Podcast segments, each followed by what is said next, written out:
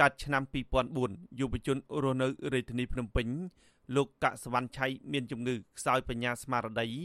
ឬហៅ autism ពីកំណើត ជាង10ឆ្នាំមកនេះម្ដាយយុវជនកសវណ្ណឆៃលោកស្រីព្រំចន្ទថាធ្លាប់យកកូនប្រុសទៅព្យាបាលនៅមន្ទីរពេទ្យកុមារនិងផ្នែកផ្លូវចិត្តជាច្រើនសារលោកស្រីព្រំចន្ទថាអះអាងថាកូនរបស់គាត់មានចរិតស្លូតបូតមិនចេះរញ៉េរញ៉ៃជាមួយនឹងអ្នកដទៃគ្មានមិត្តភ័ក្តិនិងមិនចូលចិត្តនិយាយច្រើនតាំងពីកំណើតមក លោកស្រីព្រំចន្ទថាបានបន្តថាលោកកសវណ្ណឆៃធ្លាប់ទទួលការព្យាបាលជំងឺអូទីសឹមយូរឆ្នាំមកនេះបានទទួលលទ្ធផលច្រើនប៉ុន្តែវាคล้ายទៅជាអាសាបងទៅវិញទាំងស្រុងនៅពេលដែលអាជ្ញាធរចាប់ខ្លួនលោកកសវណ្ណឆៃយុវជនរូបនេះចាប់ផ្ដើមប៉ះពាល់អារម្មណ៍យ៉ាងខ្លាំងនិងមានជំងឺផ្លូវចិត្តខឹងរដ្ឋាភិបាលក្រោយមកគាត់តែងតែបញ្ចេញអារម្មណ៍ខឹងមិននិយាយស្ដីរកគេឯងឬពេលខ្លះខឹងខ្លាំង រហូតដល់ថ្នាក់យកក្បាលបោកទៅនឹងជញ្ជាំងឬទៅដាល់កម្រាលឥតជាដើមហើយពេលដែលខ្ញុំដេកគាត់ថាកូននេះកុំធ្វើអញ្ចេះអីថាកុំគិតច្រើនដូចថាគាត់ខឹងអ្វីដែលគាត់ថាធ្វើមិនបានណាគាត់ដើរអញ្ចឹងខ្លួនឯងឬក៏យកក្បាលបោកខ្លួនឯងគាត់គិតច្រើនអត់ដឹងថាគាត់គិតពីអីទេប៉ុន្តែបើតាមអារម្មណ៍របស់ខ្ញុំគាត់គិតថាហេតុអីបានសង្គមមួយនឹងធ្វើបាបក្រុមគ្រួសារគាត់និងប្រទេសជាតិមួយនឹងវាអាចធម៌សម្រាប់ប្រជាពលរដ្ឋដែលស្រឡាញ់សង្គមនិងចេះដឹងរឿងសង្គម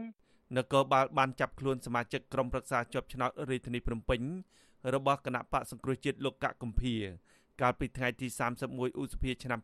2020ពីបទផ្ដាំកំណត់ក្នុងអំពើប្រមាថនិងញុះញង់ឲ្យប្រព្រឹត្តបទឧក្រិដ្ឋជាអាត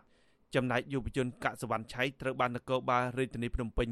សម្រុកចូលចាប់ខ្លួនទាំងកណ្ដាលអាត្រៀតកាលពីយប់ថ្ងៃទី25មិថុនាដោយចោទប្រកាន់ពីបទញុះញង់បង្កឲ្យមានភាពវឹកវរធ្ងន់ធ្ងរដល់សន្តិសុខសង្គម និងជាប្រមាថថ្នាក់ដឹកនាំរដ្ឋាភិបាលតាមរយៈការជជែកក្នុងក្រុមបណ្ដាញសង្គម Telegram ចៅក្រមសម្រាប់បញ្ជូនអនិច្ចជន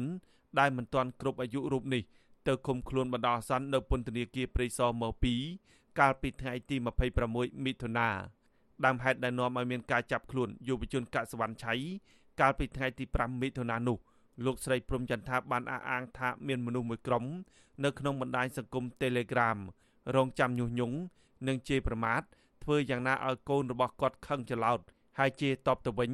និងឈានទៅដល់ការប្រមាថថ្នាក់ដឹកនាំរដ្ឋាភិបាលជាដើមយុវជនវ័យ16ឆ្នាំរូបនេះធ្លាប់ត្រូវនគរបាលប៉ុស្តិ៍ចាក់អង្រែលើខណ្ឌមានជ័យចាប់ឃុំខ្លួននៅក្នុងប៉ុស្តិ៍ប៉ូលីសពីយប់ពីថ្ងៃម្ដងរួចទៅហើយកាលពីថ្ងៃទី4តុលាឆ្នាំ2020ដោយសារតែប៉ូលីសចោទថាលោកបានចូលរួមនៅទីកន្លែងហាមឃាត់គឺបរិវេណទីស្នាក់ការគណៈបកសង្គ្រោះជាតិ ក្នុងពេលខត់ខ្លួននោះយុវជនកសវណ្ណឆៃអះអាងថាប៉ូលីសបានដាក់ខ្នោះដៃហើយបានវេដំនៅលើដងខ្លួននិងដាល់មុខរបស់គាត់ជាច្រើនដៃរួចទើបបង្គាប់ឲ្យយុវជនរូបនេះធ្វើកិច្ចសន្យាទទួលកំហុសដែលបានចូលទីកន្លែងហាមឃាត់ជាធ្នូនឹងការដោះលែងក្រោយមកទៀតនៅចុងខែមេសាជនមិនស្គាល់មុខពីរនាក់បានជិះម៉ូតូមួយគ្រឿងគប់យុវជនកសវណ្ណឆៃនិងដំអិតតាន់ចំក្បាលផ្នែកខាងឆ្វេងបណ្ដាលឲ្យរបួសដេកអស់20ធ្នេរ ហូតមកដល់ពេលនេះសមត្ថកិច្ចមិនទាន់បានចាប់ជនដៃដល់ទាំងពីរនាក់នោះមកផ្ដន់ទាទោសនៅឡើយទេលោកស្រីព្រំយន្តថាបានឲ្យដឹងថាហេតុការណ៍ដ៏អាក្រក់ទាំងនេះហើយបានបណ្ដាលឲ្យជំងឺខ្សោយបញ្ញាស្មារតីរបស់យុវជនកសវណ្ណឆៃឬឡើងវិញនិងប៉ះពាល់ដល់សតិអារម្មណ៍ធ្ងន់ធ្ងរស្ត្រីវ័យ46ឆ្នាំរូបនេះបានបន្តថាពេលខ្លះកូនប្រុសរបស់គាត់ប្រាប់ថាគាត់ពិបាកចិត្តនៅក្នុងរឿងសង្គមតាមធ្វើបាបគាត់ ចំណែកការរៀនសូត្រនៅតាមសាលាវិញយុវជនរូបនេះពូកែតែមុខវិជ្ជាប្រវត្តិវិទ្យាតែមួយគត់លោកស្រីព្រំចន្ទថានិយាយថាតាំងពីរៀនថ្នាក់បឋមរហូតដល់អនុវិទ្យាល័យថ្នាក់ទី6យុវជនកសវណ្ណឆៃគ្មានមិត្តភ័ក្តិនឹងគេទេហើយគ្រូបង្រៀននិងនាយកសាលាសុទ្ធតែដឹងថាក្មេងប្រុសរូបនេះមានជំងឺខ្សោយបញ្ញាស្មារតីនិងមានសតិអារម្មណ៍មិនល្អដូចក្មេងដទៃ គាត់អត់ចូលចំណោមនឹងគេចោះដោយសារគាត់និយាយអ្វីឲ្យគឺត្រង់ត្រង់ឲ្យពិតពិតមិនតែគេលេងរៀបតាមក្មេងចំពោះកូនខ្ញុំអ្វីដែលគាត់និយាយគឺនិយាយដែលគាត់ចង់និយាយហើយតែនិយាយអ្វីដែលខុសគឺគាត់ថាខុសដល់ពេលអញ្ចឹងពិបាកខ្ញុំខ្លាចគាត់សម្រាប់ខ្លួនជាមួយគ្មានតែអត់ចូលអញ្ចឹងខ្លាចគេធ្វើបាបគាត់ឬក៏គេវាយគាត់ឬអីចឹងទៅខ្ញុំខ្លាចណាស់ចាខ្ញុំបារម្ភខ្លាំងមែនតើហ្មងដោយឡែកគ្រូបង្រៀនរបស់យុវជនកសវណ្ណឆៃថ្លែងថាកូនសិស្សរូបនេះពិតជាមានសតិមិនគ្រប់និងមានលក្ខណៈធន់ធ្ងរពិតប្រាកដមែន គ្រូបង្រៀនមុខវិជ្ជាសិលធម៌និងពលរដ្ឋវិជ្ជានៃវិទ្យាល័យហ៊ុនសែនប៊ុនរនីផ្សារដើមស្កូវលោករស់គង់មានប្រសាសន៍ថាលោកអាណិតកូនសិស្សយុវជនកសវណ្ណឆៃនៅពេលដែលឮថាមានការចាប់ខ្លួនបន្ថែមលើសពីនេះលោកថានៅក្នុងថ្នាក់រៀនកូនសិស្សរូបនេះអាយុច្រើនជាងគេ តែការរៀនខ្សោយបំផុត លោកបញ្ជាក់ទៀតថាលោកតែងតែណែនាំកូនសិស្សដទៃទៀតឲ្យយោគយល់ពីព្រោះកូនសិស្សកសវណ្ណឆៃ មានសតិអារម្មណ៍មិនល្អតាំងពីកំណើតដែលគួរឲ្យអាណិតពេលដែលយើងបញ្យលអញ្ចឹងជារឿយរឿយទៅកូនសិស្សក៏មិត្តភក្តិគាត់យល់រហូតដល់ពេលមួយដែលគេឃើញតែឃើញគាត់ត្រូវបានអាជ្ញាធរចាប់ហ្នឹងអ្នកខ្លះក៏សម្ដែងការអាណិតអាសូរដល់គាត់ដែរថាងគាត់ចរិតអញ្ចឹងគាត់អត់ពុកទឹកអញ្ចឹងអាណិតគាត់មែនតើនឹងថាគាត់ធ្វើនឹងដោយចេតនាឬក៏ដោយយ៉ាងម៉េចយើងអត់ដឹងដែររីឯអ្នកចិត្តស្និទ្ធនឹងគ្រួសារយុវជនកសវណ្ណឆៃ ក៏មានការសោកស្ដាយចំពោះការចាប់ខ្លួនក្មេងប្រុសកសវណ្ណឆៃដែលមិនទាន់គ្រប់អាយុត្រូវដាក់ទោសនិងជាក្មេងមានជំងឺវិបត្តិផ្លូវចិត្តស្រាប់ក្រមស្ត្រីតវ៉ារាល់ថ្ងៃសុកដើម្បីទាមទារដោះលែងប្តីគឺលោកស្រីសេងចន្ទថន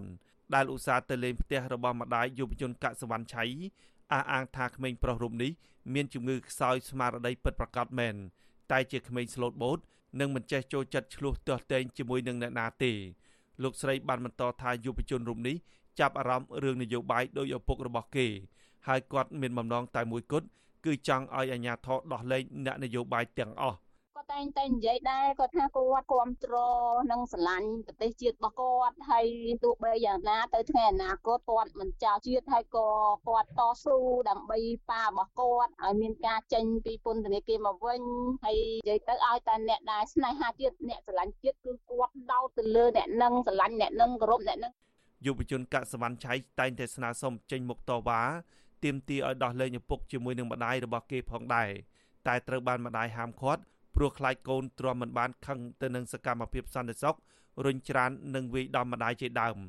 លោកស្រីព្រំយន្តថានៅតែទាមទារឲ្យដោះលែងកូនប្រុសមកវិញព្រោះលោកស្រីចាត់ទុកថាការខំខ្លួនយុវជនកសវណ្ណឆៃគឺជាការធ្វើទុបបំណិញផ្នែកនយោបាយដើម្បីបង្ក្រាបក្រុមគ្រួសាររបស់លោកស្រី ជាងនេះទៅទៀតទាំងនគរបាល និងមន្ត្រីតុលាការចាប់ឃុំខ្លួនយុវជនកសវណ្ណឆៃតែម្នាក់គត់ដោយមិនបានចាប់ភាគីចំនួនឡើយក្នុងនីតិវិធីរឿងក្តីព្រមត្តននេះទៀតសោតក៏មានការបំពេញច្បាប់ទាំងដំណាក់កាលនគរបាលនិងតុលាការផងដែរដោយសារតែជនជាប់ចោតជាអនិច្ចជន មិនទាន់គ្រប់អាយុរូបនេះមិនទទួលបានមេធាវីឬអាណាព្យាបាលទៅអមនៅក្នុងដំណាក់កាលអនុវត្តច្បាប់ឡើយអ្នកច្បាប់និងសង្គមស៊ីវិលផ្នែកសិទ្ធិមនុស្ស ជំរុញឲ្យមន្ត្រីតុលាការដោះលែងយុវជនកសវណ្ណឆៃឬបញ្ជូនក្មេងនេះទៅមជ្ឈមណ្ឌលនីតិសម្បទាឬដាក់ឲ្យស្ថិតនៅក្រោមការព្យាបាលរបស់ម្ដាយវិញព្រោះក្មេងប្រុសរូបនេះមានជំងឺសតិមិនល្អខ្ញុំហេងរស្មី អាស៊ីសេរីពីរដ្ឋធានី Washington